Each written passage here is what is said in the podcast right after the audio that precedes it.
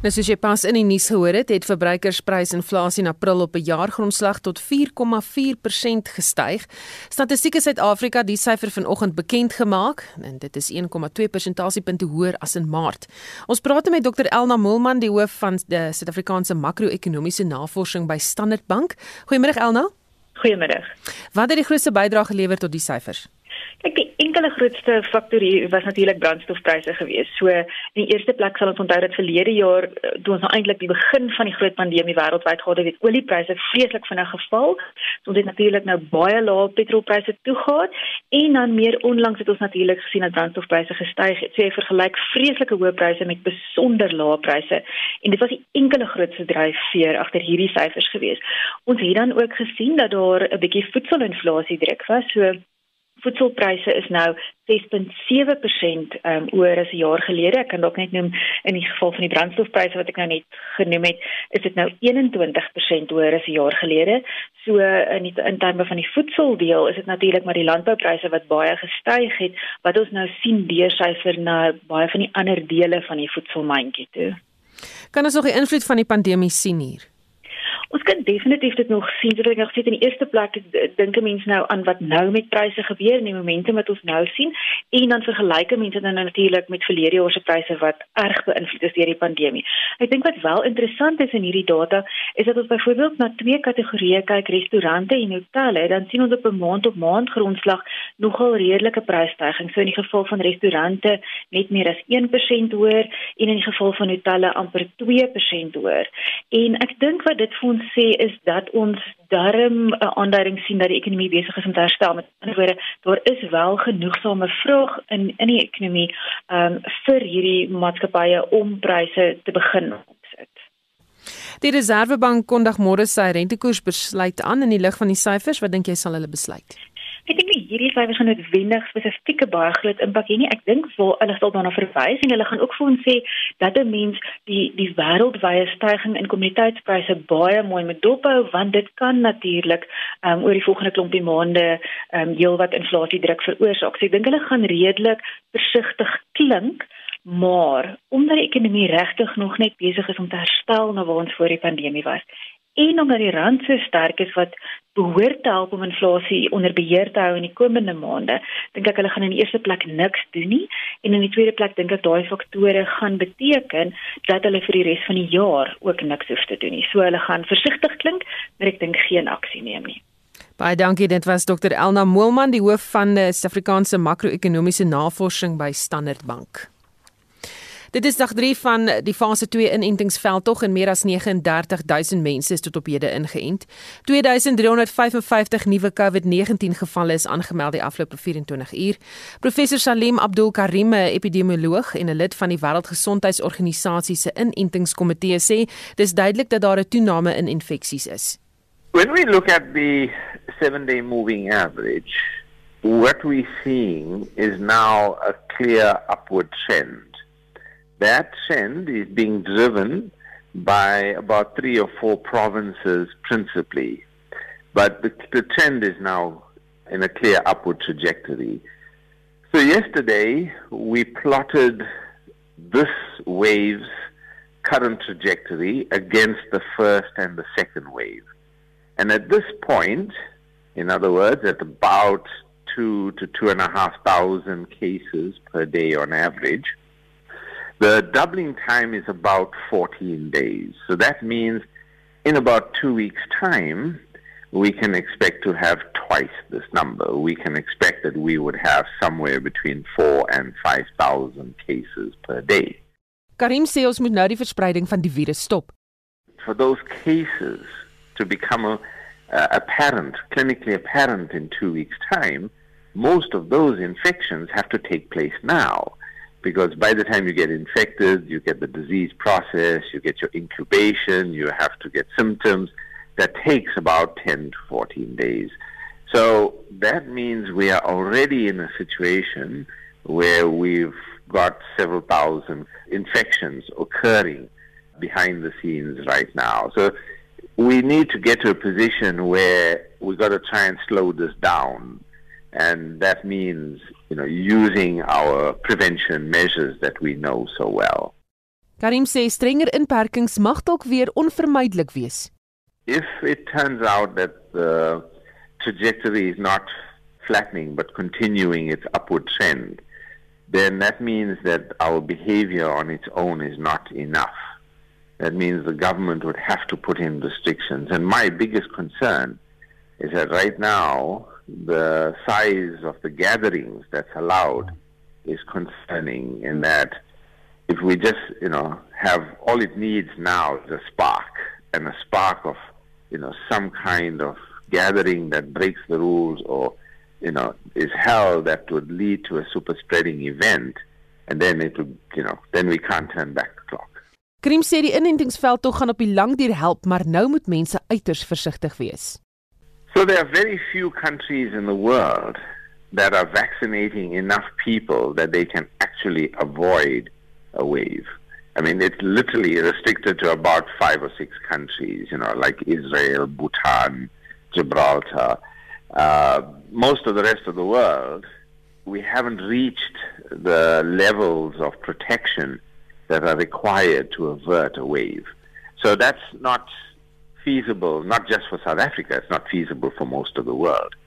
What we want to do is we want to focus on trying to reduce the number of people who will get infected but not require high level medical care and will not be those who are most vulnerable to losing their lives. Karim verduidelik ook dat die navorsing oor enstof by die dag verbeter. So the way in which most of the initial trials were done was that they had a very short gap between the two doses. And that was principally to get a boost to immunity quickly, given the rapid way in which the epidemic was unfolding. But it now turns out that at least for two of the vaccines that we know, that when you increase the gap, you get a better immune boosting response. And the way it's become clearest is for the AstraZeneca vaccine. And now, most recently, we've seen some new data for the Pfizer vaccine. That if you increase the the gap between the first and second. So the current recommended gap is 21 to 28 days. If you double that gap, you get a better booster. And in fact, if you go even out to about three months, you get an even better boosting. So we, it looks like currently the evidence is pointing to increasing the gap between the first and second. And your big benefit that that has is you can give more people first doses uh, while you wait for the second dose because that will take a little while before it comes.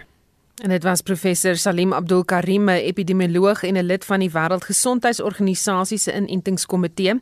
Die departement van basiese onderwys het vanoggend aangekondig dat alle kontaksport by skole onmiddellik gestaak word. Nie kontaksportoefening mag voortgaan, dis onderhewig aan COVID-19 protokolle. Die verwoestende gevolge van die droogte in die Oos-Kaap noodsaak die dat die provinsie tot 'n droogte-rampgebied verklaar word. So sê die DEA woordvoerder oor landelike ontwikkeling en grondhervorming in die Oos-Kaap, Retief Odendal. Hy sê vorige versoeke hiervoor aan die provinsiale regering het op dowe ore geval. Ons praat nou met hom hieroor. Goeiemôre Retief. Goeiemôre Susan, dit is lekker om by julle te kuier. Sê vir my, hoe erg is die droogte in die Oos-Kaap? Dit is ongelukkig een van die ergste droogtes wat ons oor die afgelope 100 jaar gehad het. Ehm um, dit gaan al reeds vir meer as 6 jaar aan. Ehm um, en uh ehm um, dit affekteer groot gedeeltes van die westelike deel van ons provinsie. Ehm um, so vanaf uh, Buffalo City uh, munisipaliteit ehm um, verby Nelson Mandela Bay Kouga munisipaliteit tot en met Graafrenet en Aberdeen uh, uh en Willowmore ehm um, teen aan die Wes-Kaapse grens. Um, en dit is regtig 'n baie erg krisis wat baie van ons boere op hul knieë het en uh baie kleiner munisipaliteite uh reeds onder water sien sien gaan. Het. Jy sê dit al versoeke gerig aan die Oos-Kaapse premier Oscar Mabonyani en ook die departement van waterwese en samewerkende regering en tradisionele sake hieroor. Ja, eh, daar's reeds verskeie versoeke ehm um, aan Mabuyane gerig. Ons het in 2019 ehm um, uh het ons dit reg gekry saam met 'n uh, uh, druk wat geplaas is op die premier deur georganiseerde landbou um, om om 'n ramp toestand afgekondig te kry. Dis in 2019 toe was daar gelukkig uh um geld beskikbaar gemaak vir uh, om ons boere te help um en daar was ook 'n heelwat geld beskikbaar gemaak um vir droogtegetuies te munisipaliteite om om 'n droogtebeheer maatreëls in plek te sit.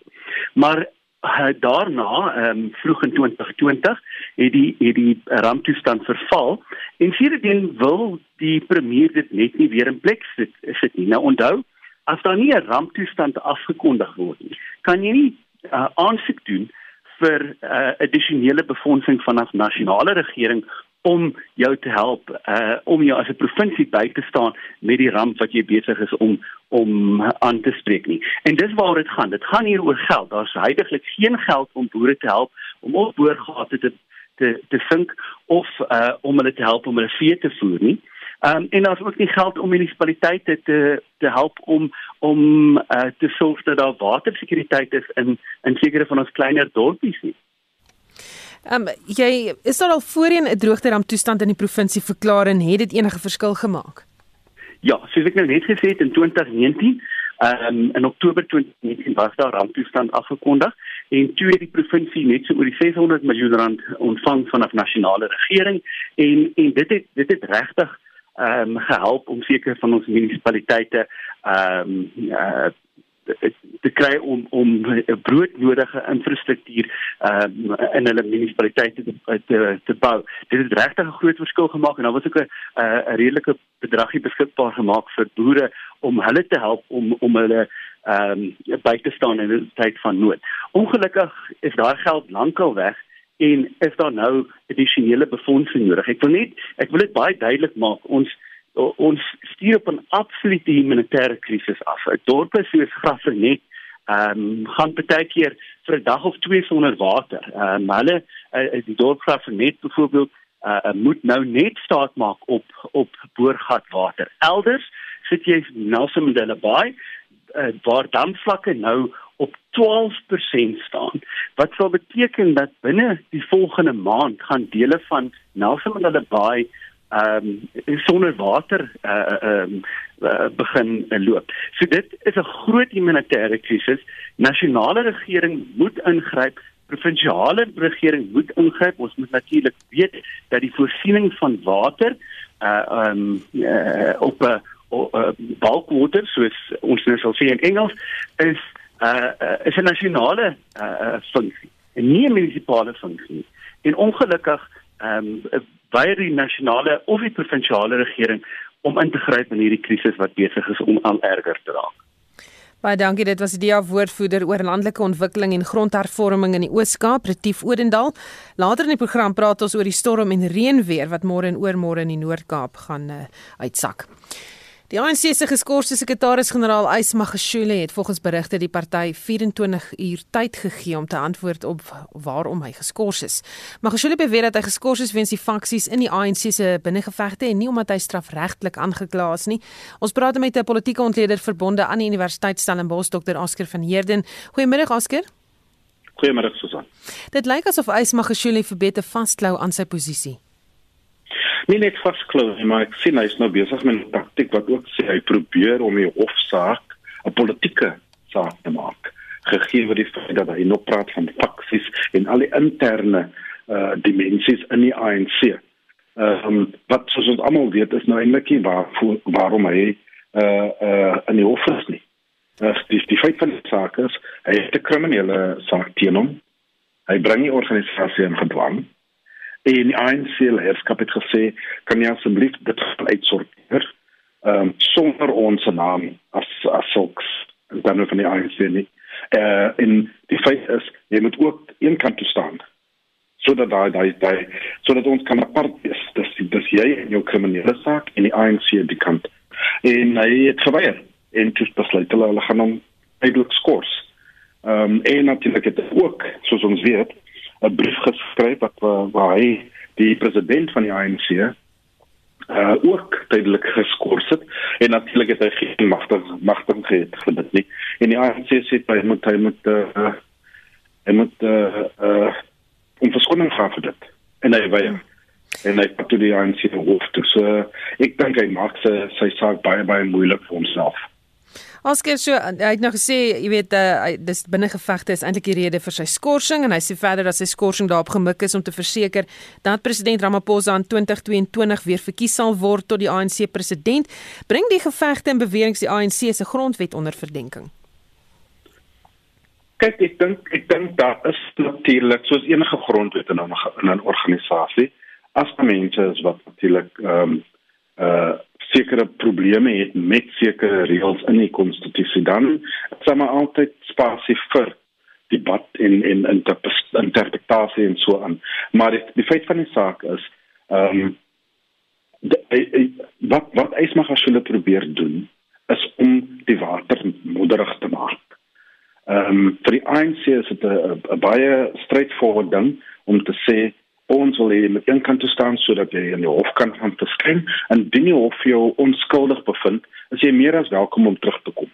Maar nou, gegee die feit dat Ysmagasule nie teen uh, in eenstem met dit nie, praat hy nou van politieke dinge uh, in terme van faksies en konferensies en so voort en ek dink die ANC leierskap gaan gaan gaan hulle gaan net sê dat dit niks met die prys van eiers te doen nie. Die ANC het intussen gesê dat hulle top regsverteenwoordigers gaan aanstel wanneer die saak op 1 Junie aangehoor word. Mense vra nou waar die geld vandaan gaan kom om hulle te betaal want die ANC is glo platsak. Ja, nee, hulle is platsak en soos Jessie Duarte die ondersekretaris-generaal ook vir ons gesê het, hulle het finansiële probleme. Hulle probeer om skuld uh vir die deur van die nuwe regsgewing te gee in terme van politieke partye en hulle hulle befondsing tog dink ek daar's groter sake ter sprake die ANC vir ons gewys vir jare. Hulle weet nie hoe om met geld te werk nie. Ehm um, en dan dien en inderdaad het hulle nou ook gesê die eh uh, die treasurer dat hulle moontlik som van die werkers moet laat gaan. So ek weet nie presies waar die geld vandaan kom nie, maar soos ons weet, daar's ons maar altyd 'n goeie Samaritaan eerens wat gaan vorentoe kom en sê, "Oké, okay, kom ek sommer vir julle 'n bietjie geld vir die vir die regters en so en so vir die vir die um vir die lawyers. Hmm. Baie dankie. Dit was Dr. Oscar van Heerden, 'n politieke ontleder verbonde aan die Universiteit Stellenbosch. Die twee grootste vakbonde wat werknemers van Transnet verteenwoordig, die United National Transport Union UNTU en die South African Transport and Allied Workers Union SATAW, dreig met 'n grootskaalse staking. Dit nadat Transnet slegs 'n 2% salarisverhoging aan werknemers aangebied het. Ons praat met die woordvoerder van UNTU, Sonja Karstens. Goeiemôre Sonja. Goeiemiddag. Baie dankie dat julle met ons gesels. Wat presies eis die werknemers en wat is aangebied? Die werknemers eis 'n 8% loonverhoging, maar op al die toelaas wat hulle ontvang ook. So nie net in die loon nie, maar ook in die in die toelaas. Ons eis verder dat daar nie langer 'n uh, beperking geplaas word op oortydbetaling nie. En dan eis ons ook dat Transnet moet betaal vir dat alle werknemers dieselfde mediese fonds toelaag ontvang. Tans word daar net sekere mediese fondse erken in Transnet en dan ontvang werknemers daarvoor 'n toelaag. Ons sê dis diskrimineer teen sommige werknemers omdat hulle moontlik op 'n ander mediese fonds mag wees en daarom eis ons dat dieselfde toelaag aan alle werknemers deur die bank betaal moet word. Nou is volgens die bestuur nie geld om die verhogings te implementeer nie. Julle reaksie daarop? Transnet is die enigste semi-staatsinstelling wat nog nooit by die regering geld gevra het nie. Soos julle weet, is Transnet finansiëel gesond, soveel so dat hy 210 miljard verloor het in staatskaping weens onregmatige kontrakte. Dis vir ons bitter 'n bitter pil om te sluk om vir werkers te moet sê hulle kan nie verhogings kry nie as gevolg van al die ongeruimthede wat daar was. So nee, ons glo nie die verskoning dat Transnet sê hulle het nie geld om die verhogings te betaal nie. In die af, inperking het die uitvoerende bestuur van Transnet se salarisrekening met 65 miljoen geklim weens nuwe aanstellings wat Transnet se nuwe hoofuitvoerende beampte Porsche Derby gemaak het. Dis nie 'n maatskappy wat nie geld het nie. Wat kan die potensiële impak van die staking wees? Ons gaan 'n 'n 'n situasie soortgelyk um, aan wat gebeur het in die Suezkanaal laat ontstaan. Met ander woorde, skepe gaan in die see wag om gehelp te word in die hawens en daar gaan nie mense wees om daardie skepe in te bring nie en om die vragte af te laai of vragte te laai nie. So dit sal die hawens in geheel tot stilstand bring. Baie dankie, dit was die woordvoerder van Untu Sonja Karstens met daardie waarskuwing. Die begroting wat voorgelê is vir die weermag gaan die instansie laat sink, letterlik en figuurlik. Dis die waarskuwing van die DASK die minister van verdediging Kobus Maree. Maree sê in reële terme is die begroting van die weermag met 18,08% gesny. Ons praat nou met hom. Goeiemôre Kobus. Goeiemôre Susan, goeiemôre aan jou luisteraars. Waar presies is hierdie begroting gesny? Ehm um, as ons veral sien waar hy gesny is, dan is dit vir my op die areas wat nie die kernverantwoordelikhede en en fokus moet wees van die weermag nie. Die groot bekommernis is eerder waar waar die die aspekte waar veral gesny is gaan om ons um, infanterie uh, vermoë, met ander woorde die die die leergedeelte van die totale begroting uh 16.12% gesny waarvan infanterie verantwoordelikhede en en vermoëns met 23% gesny is kommerwekkend is as mens kyk na die lugmag en die en die vloot. Die die die lugmag is met 24% gesny en die groot kommer daar is ons vermoë om om om lug verdediging te kan doen. Dit is met 62% gesny en baie baie belangrik die volgende helikopter vermoë is met 20% gesny. Ons ons ons vervoer en maritieme ehm uh, lugmag uh vermoëns is met 29% gesny en dan brandstof en olie is met 54% gesny. By die by die uh um vloot daar is dit gesny met 17.2% en baie belangrik is ons maritieme verdedigingsvermoë is met uh, net so oor die 30% gesny. En dan is natuurlik die die militêre gesondheid en uh is presies gesny en en gings uh, intelligensie, militêre intelligensie is met 6 net so oor die 36% gesny. So so dis eintlik die kernvermoë van 'n weermag om ons land te beskerm en en om seker te maak dat ons in 'n veilige omgewing bly. Ehm um, en en met daai wat so gesny is, uh trek hulle eintlik die tande van die weermag uit. Het die minister 'n uh, verhoging gekry? Die minister ehm um, in terme van haar salaris, dit weet ek nie, maar wat ek wel kan sê is is onder program 1 wat gaan oor die administrasie. Daar het die ministerie van verdediging het 'n het 'n verhoging gekry van 97.2 miljoen na 125.5 miljoen. Nou dit is enorm. Dit maak hom sekerlik die duurste ministerie in die kabinet. Ek weet byvoorbeeld dat uh, die ministerie van finansies is om en by 4 miljoen rand en en en uh, uh, die ander is is om en by tussen daai uh, bedrag tot en met 10 miljoen rand. So hierdie is is is enorm groot. Onder daardie 97 tot 125 miljoen is die sogenaamde SNT. En ons weet waarvoor staan SNT. Ehm um, jy weet dit is met 95 net oor die 95% toegeneem. So so as 'n mens gaan kyk ook verder aan en jy gaan kyk wat het met die koste van van van personeel gebeur Uh dit het enorm gestyg. Ehm um, en dit op hierdie begroting gaan dit om en by sê 63% van die begroting uitmaak. Ook maar nogtans het die departement vir ons al reeds aangedui hulle gaan dit 4,9 miljard rand daai begroting van cost of employees oorskry. Dit beteken koste van personeel word 73% van die begroting wat ons net laat met om by 27% vir operasies vir opleiding en dan vir al die aankope van toerusting en die onderhoud van toerusting en en en en dit dit maak ja. maak die die die hande van ons soldate eintlik agter hulle rug vas ehm um, waar hulle verwag verwag word om sekere goed te doen maar hulle het nie die ondersteuning en die hulpbronne daarvoor nie. Dink jy die president moet hier ingryp? Ek is ab, ek het absoluut geen oortuig oor uh, weet ehm uh, uh, twyfel daaroor dat die dat die president moet ingryp nie. Ons moet onthou die president is nie net die president van die land nie, maar hy is ook die opperbevelhebber van die van die weermag. So so dis nie net die minister wat die verantwoordelikheid moet dra nie. Verseker die opperbevelhebber van die weermag moet hierdie verantwoordelikheid dra. En as hy nie baie gou ehm um, ingryp nie dan dan dan gaan daar bitter min van ons weermag oorbly. Ons gaan dalk later ons sit net met 'n lugvleuel, ons gaan sit met 'n watervleuel en ons gaan sit met geweldige beperkte uh kapasiteit en vermoë op ons op die grond. Ons moet onthou dat daar word baie gepraat en gister weer deur die minister gepraat oor die bedreigings van buite af. Ons is veronderstel om ons landsgrense en maritieme grense en luggrense tot die uiterste toe toe te bewaak en te beskerm.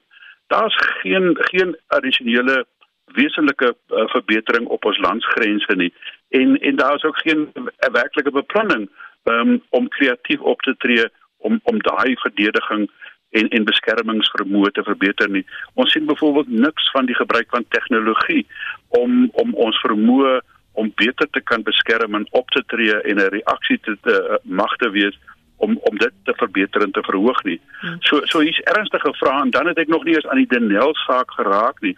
Ehm um, ek wil daar sien die weermag en die en die president ook moet ingryp want onthou dit gaan nie net oor die beskerming van die personeel nie of of 'n staatsinstelling te beskerm nie die die vermoë en gevegsvermoë en verdedigingsvermoë van die weermag en veral ons lugmag hang tot 'n baie baie groot mate af van van eh uh, Denel Aeronautics en hmm. en en ander belangrike afdelings van van Denel.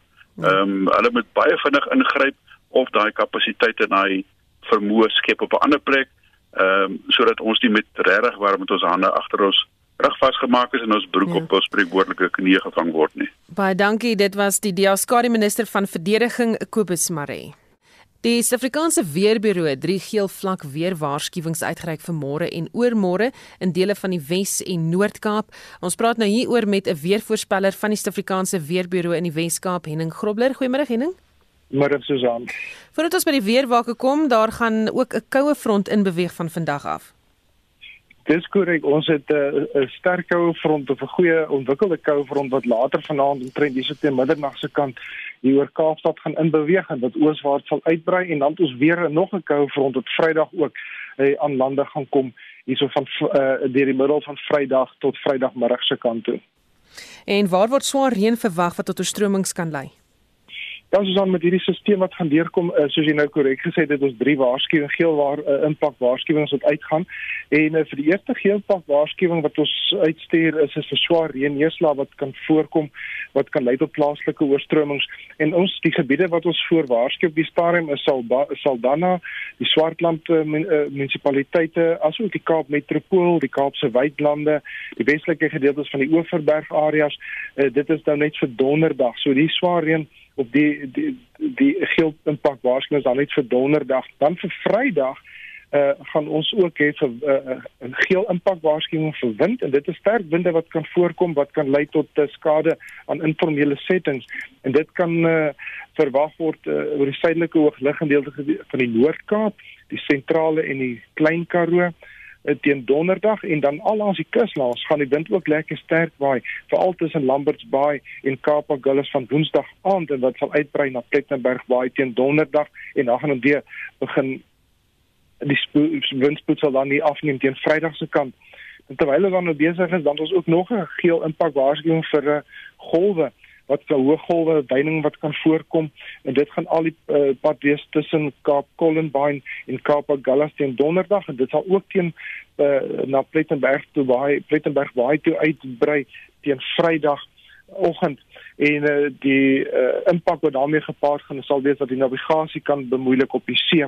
En dan natuurlik met die sterk winde wat voorkom, het ons dan soos gewoonlik ook ons brandgevaar oor hoofsaaklik oor die Namakwa area van die Noord-Kaap en uh, uh ook die suidelike gedeelte van Namakwa teen uh, môre. So ja, hele mond vol met hierdie koue twee koue fronte wat nader beweeg van vanaand af. Baie dankie. Dit was 'n weervoorspeller van die Suid-Afrikaanse Weerbureau in die Wes-Kaap, Henning Grobler. Mpumalanga Landbou sê owerhede moet dringend ingryp om die praktyk van onwettige jag met honde stop te sit. Dit na die dood van 'n 58-jarige boer naby Amersfoort in Mpumalanga.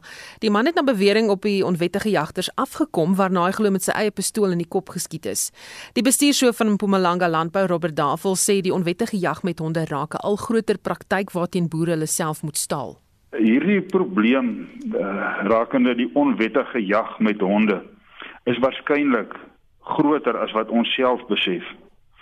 Na bewering is daar syndikaate betrokke wat op baie groot skaal besig is, gewoonlik oor naweke met hierdie onwettige praktyk van jag met honde. Ons verneem dat daar blykbaar groot bedrag geld betrokke is, skynbaar gekoppel aan weddenskappe. Hierdie ouens kom dikwels vanaf die stedelike gebiede en is skynbaar ook swaar gewapen. Dis die een deel. Dan aan die ander kant kry ons ook klagtes van plaaslike mense wat skuldig is aan hierdie oortreding van die wet wat jag van wild eh, beheer en natuurlik dan daarmee saam is die betredingswet ook ter sprake waar mense dan nou hierdie wet oortree. So hierdie wat ek nou met jou deel is waarskynlik maar die oortjies van die seekoei. So met ander woorde, hulle betree onwettiglik persele en dan gaan jag hulle wild op hierdie persele. So dit is nie dat hulle byvoorbeeld op 'n uh, oop stuk grond is nie. Nee, nee, nee, hulle hulle hulle uh, jag op privaat grond. Dit is hoekom ons uh, uh, sê dat die betredingswet ook ter sprake is. Nee, hulle hulle hulle jag op privaat eiendom. Die dikwels is dit dan nou wild wat reeds skaars is, uh, kom ons sê bedreigde spesies is, klein wild, kleiner tipe wild. So hierdie ouens ons sien niks en niemand nie. Hulle steur hulle nie aan reëls nie en hulle is vir ons regtig 'n uh, groot kopseer. En hierdie insident waar die boer dan nou dood is wat ons wat vir ons baie sleg is, is nou 'n tragiese uitloop van wette wat nie behoorlik toegepas word nie. Is dit 'n wettige jagpraktyk? Nee, nee, eh, Susan, dit is onwettig. Nee, ek kan nou nie die hele wet in terme van jag van wild nou hier bespreek nie. Maar nee, dit is totaal en al onwettig. Dan wat wil julle hê moet die owerhede doen? Ons het in Suid-Afrika waarskynlik van die beste wette in baie opsigte. En in hierdie opsig sit ons weer met 'n goeie wet. Dit gaan oor die gebrek aan toepassing van die wet. So wat ons van die SAPD vra en van ons al die erfe gemeenskapsveiligheid is dat dat wanneer hierdie klagtes aangemeld word by die polisie dat die polisie dit met die nodige erns sal beheen dat hierdie nie as 'n klein misdaad aanvaar sal word nie maar dat dit beskou sal word as 'n prioriteitsmisdaad dat dit behoorlik ondersoek sal word deur professionele polisiemanne en dat die skuldiges voor die hof gebring sal word vir toepaslike uh, strawwe dan. Ek bedoel ons lede, ons boere, ons produsente kan tog nie voortgaan met volhoubare voedselproduksie as hulle geterroriseer word deur uh, misdadigers wat vir eie gewin net eenvoudig alle reëls minag. En dit was die bestuurshoof van Mpumalanga Landbou Robert Tafel. Die burgerregte organisasie AfriForum en die I Can Make a Difference doktersgroep wil die hersieningsdokumente hê wat verband hou met die gebruik van Ivermectin vir die behandeling en voorkoming van COVID-19. Die versoek is reeds aan verskeie instellings gestuur en volg nadat die departement van gesondheid die aanvang van die derde golf van COVID-19 infeksies in die land bevestig het. Ons praat nou met die hoof van navorsing by AfriForum Barend Eis. Goeiemôre Barend. Goeiemôre, môre aan die luisteraars. Vertel ons 'n bietjie meer van hierdie dokumente, wat se inligting bevat dit? Man, wat hierdie dokumente basies is, is daar is nou verskeie studies beskikbaar um, oor die werking van ivermectin of die effektiwiteit van ivermectin vir die behandeling van COVID-19 en vir die voorkoming van COVID-19. So wat hierdie dokumente is, dis 'n dokument waar hulle al hierdie verskillende studies vat en dit dan alles saamsit en dan kyk wat is die finale uitkomste. Met ander woorde, dit gee dan vir jou 'n aanduiding van of mense dit kan aanbeveel gebruik of nie kan aanbeveel vir gebruik. So, waarom presies wil julle die dokumente hê? Man, ons het ons het gehoor dat Prof Helen Rees van SAPRA het gesê dat die instellings deurlopend die inligting rond, um, rondom Ivermectin natuurlik nou heroorweeg. Ons is nou in die derde golf en toe het ons gesê maar hoor julle moet julle aanbeveling hieroor verander want dit kan regtig 'n groot verskil maak en dan het daar natuurlik nou in die onlangse verlede het goed verander. Jy weet daar het nuwe inligting aan die lig gekom. Byvoorbeeld daar is um artikels het verskyn in ewig nie beoordeelde mediese joernale. Ons weet Indië het amptelik te deel gemaak van 'n behandelingsprotokol. Jy weet in Indië het 1.4 miljard mense wat wat in hulle land bly. En toe ons nou hierdie vrae begin vra, toe gaan soek ons vir die dokumente waarna Prof Helen Rees verwys het. En dan die enigste dokument wat ons kan kry is so 'n blitshersiening van die inligting en daai dokument is gedateer 25 Januarie. Nou ons hoop regtig dat daar meer op datum inligting is dat die op datum inligting in ag geneem is dat as daar nou besluite geneem word oor die aanbeveling en dis hoekom ons vra vir die dokumente dat ons kan sien waarom verskil hulle aanbeveling dan van internasionale liggame en internasionale kundiges wat hierdie selfde ontledings doen want dit is vir ons onduidelik as as die mense toegang tot dieselfde data het en hulle gebruik dieselfde metodes, waarom sal daar 'n groep internasionale kundiges in die Verenigde Koninkryk wees wat sê ons beveel dit aan vir gebruik en dan plaaslik is doen ons 'n ander aanbeveling? Indien jy geen of min van die dokumente kry, wat is die plan? Wat ons dan gaan doen is ons gaan werk met die dokumente wat dan beskikbaar is en op hierdie stadium lyk dit soos 'n dokument van 25 Januarie en ons gaan dan reageer op hierdie dokumente en sê hierdie hierdie is die volgende inligting wat nou nie bygekom het wat ook in ag geneem moet word. Julle moet met ander woorde as ons nou 'n ontleding doen dan dit die uitkoms van die ontleding en daarom hoort die aanbeveling aangepas te word. Vermoed julle dat iets moontlik nie pleis is nie wat betref die plaaslike navorsing? Ja, en al is dit net, um, jy weet, ek weet nie, dit traak my traak my nie agtigheid of 'n oneffektiwiteit of iets, jy weet, en dalk is dit 'n uh, 'n te veel enkelvoudige fokus. Jy weet, ons moet verstaan ons sit met 'n werklikheid.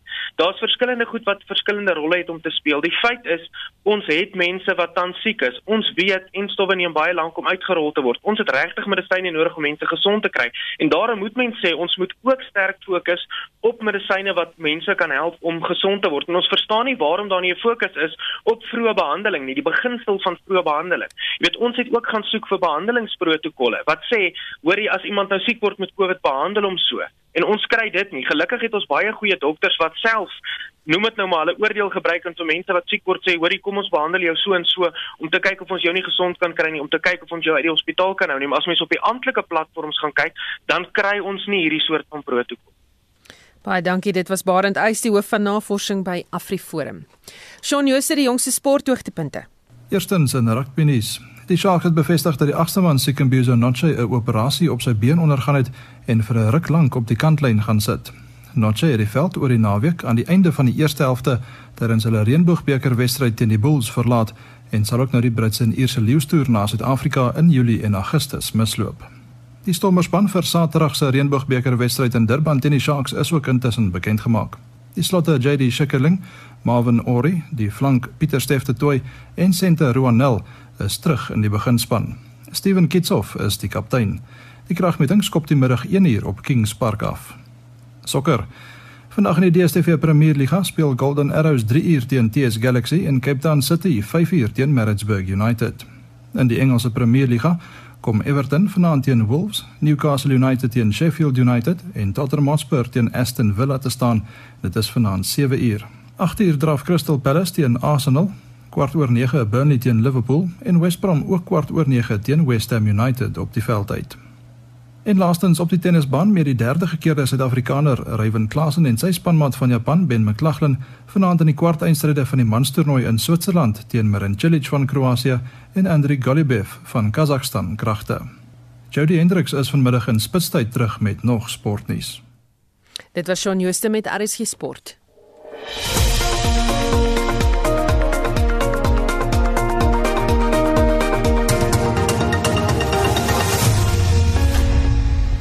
1244 jy luister na Spectrum. Daar vind vandag 40 tussenverkiesings plaas in 7 provinsies.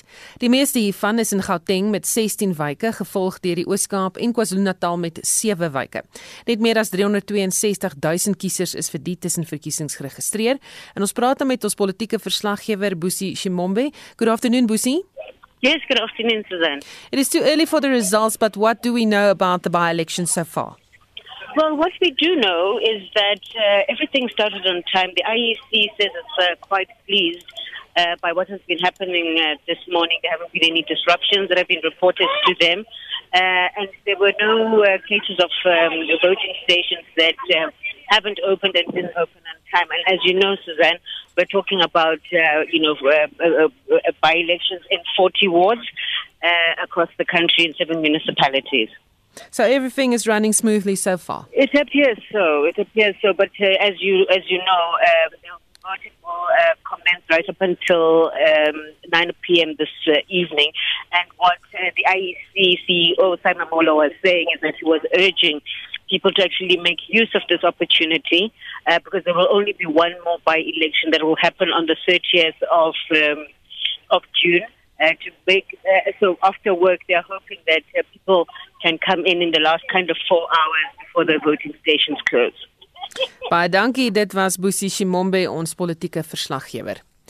Die staatskapingskommissie het vandag weer getuienis aangehoor van Eskom se voormalige bestuurshoof Machela Kokko. Is dit die klerk uit die verrigtinge vir ons dop en ons praat nou met haar. Ehm um, dit waaroor het Kokko se getuienis vandag gehandel? Susan getuienisleier advokaat Polisie Lekka het vandag se getuienis gefokus op die Gupta beheerde maatskappy Tegeta wat die Optimum steenkoolmyn gekoop het en die kontroversiële kontrakte wat dit met Eskom gehad het.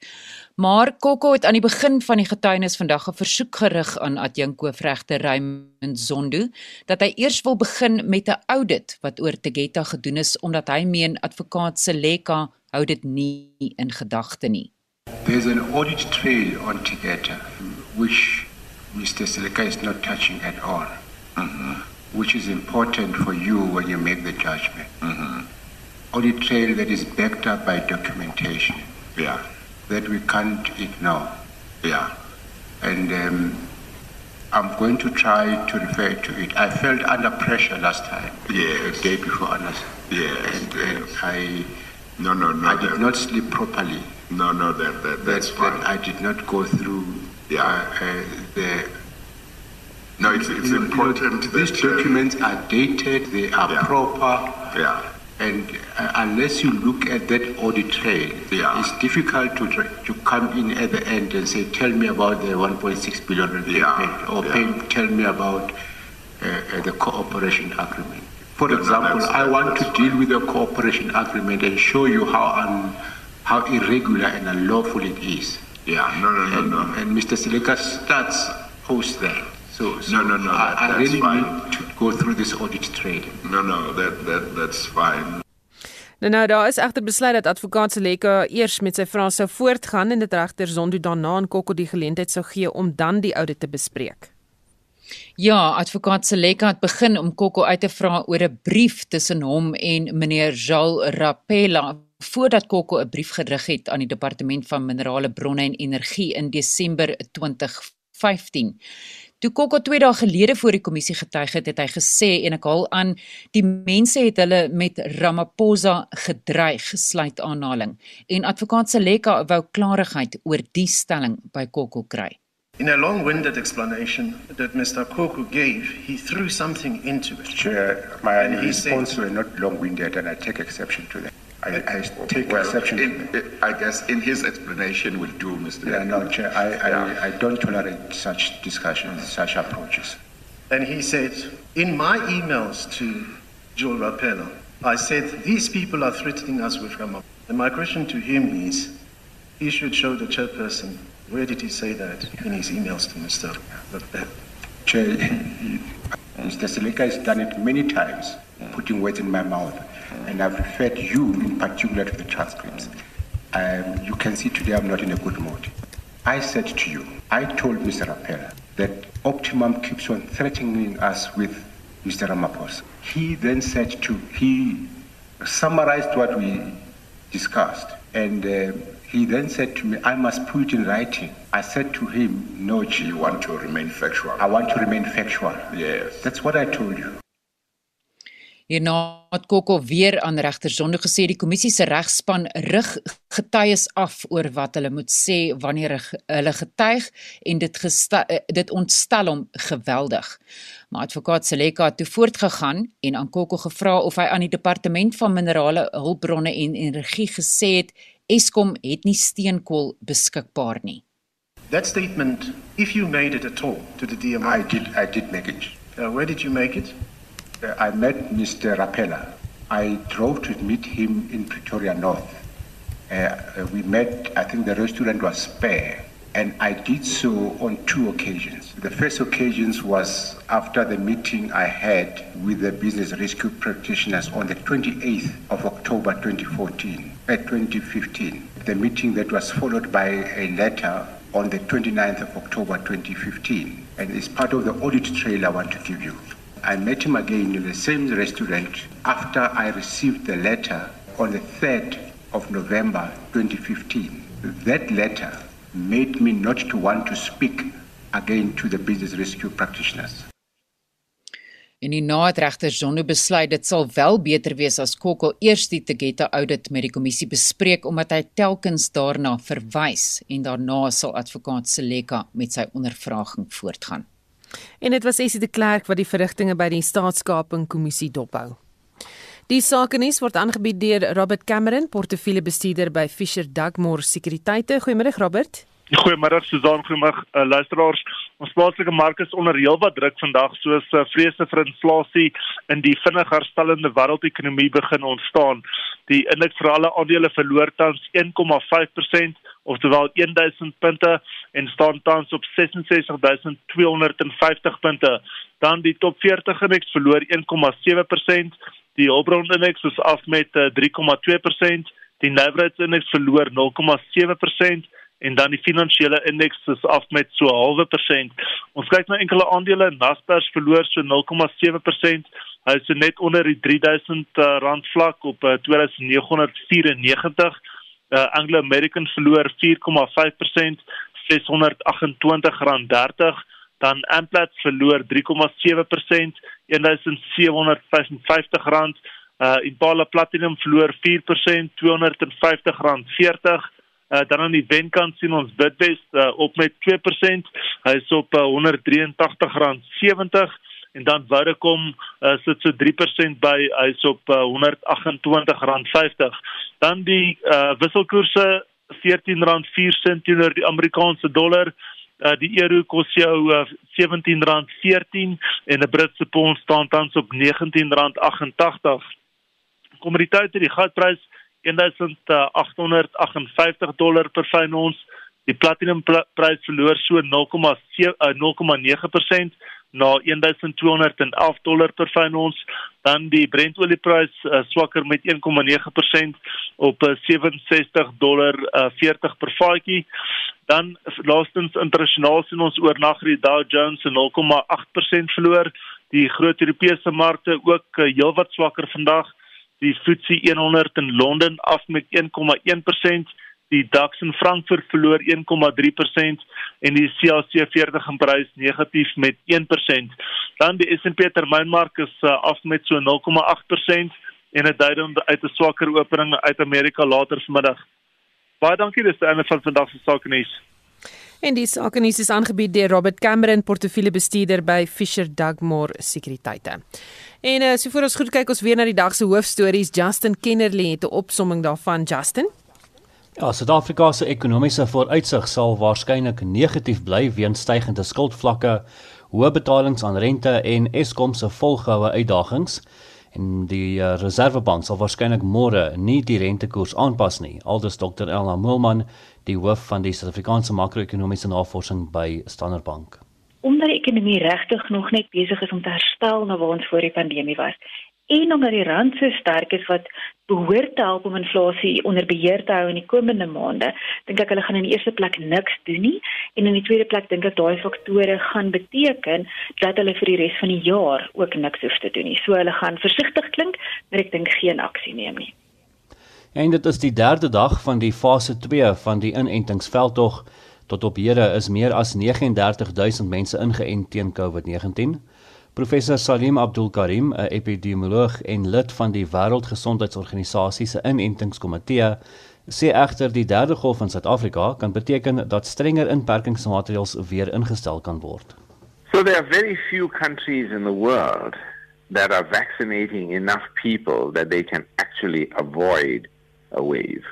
If it turns out that the trajectory is not flattening but continuing its upward trend, then that means that our behavior on its own is not enough. Government would have to put in restrictions. En die verwoestende gevolge van die droogte in die Oos-Kaap, 'n noodsaak dat die provinsie tot 'n droogterampgebied verklaar moet word. So sê die DA woordvoerder oor landelike ontwikkeling en grondhervorming in die Oos-Kaap, Retief Orendal. As daar nie 'n ramptoestand afgekondig word nie, kan jy nie uh, aansoek doen vir uh, addisionele befondsing vanaf nasionale regering om jou te help. En dis waaroor dit gaan. Dit gaan hier oor geld. Daar's heidaglik geen geld om boere te help. Ons stuur op 'n absolute humanitêre krisis af. Nasionale regering moet ingryp, provinsiale regering moet ingryp. En die Raad van die Ministers van Onderwys het besluit om alle kontaksport in skole met onmiddellike effek te staak. Die besluit is geneem in 'n virtuele vergadering wat vanoggend gehou is. Besonderhede oor die besluit sal binnekort in die Staatskoerant gepubliseer word. En ons het vroeër gepraat oor die tussenverkiesings wat vandag plaasvind in 40 wyke in 7 provinsies. As jy wil gaan stem, onthou die stemlokale is tot 9 uur vanaand oop. Baie dankie, dit was Justin Kennerly wat die dag se hoofnuus vir ons opgesom het. Die sprinkaanplaag wat die Noord-Kaap tuister het oorbeweeg na die Wes-Vrystaat. Boere in die Hertsgwil en Boshoff omgewing in die Wes-Vrystaat het die afgelope naweek begin om die plaag te bestry. Dr Jack Amoor, die kommersiële bestuurder van Vrystaat Landbou, sê mense moet hulle kontak sodra hulle sprinkane gewaar. Spanne is gemobiliseer om swerms sprinkane wat die naweek oor die Vrystaat ingewaai het te spuit. Indien enige swerms opgemerk word, kan 'n foto en 'n pindrop aan myself Jack Amer ge-WhatsApp word op 0716720271 of maak kontak met Vrysat Landbou op ons sosiale media. Dankie. En dit was Dr Jack Amer, die kommersiële bestuurder van Vrystaat Landbou. Sy kontaknommer net weer as jy daai sprinkane gewaar, dis 0716720271. 0716720271 of jy kan Vrystaat Landbou uh, op hulle webblad ook uh, kontak dalk 'n e-pos stuur as jy van daai sprinkane gewaar. Onthou vorige uitsendings van Monitor Spectrum naweek aktueel kommentaar en finansiële fokus is op ons RSG webblad beskikbaar as 'n potgooi. Gaan net na www.rsg.co.za.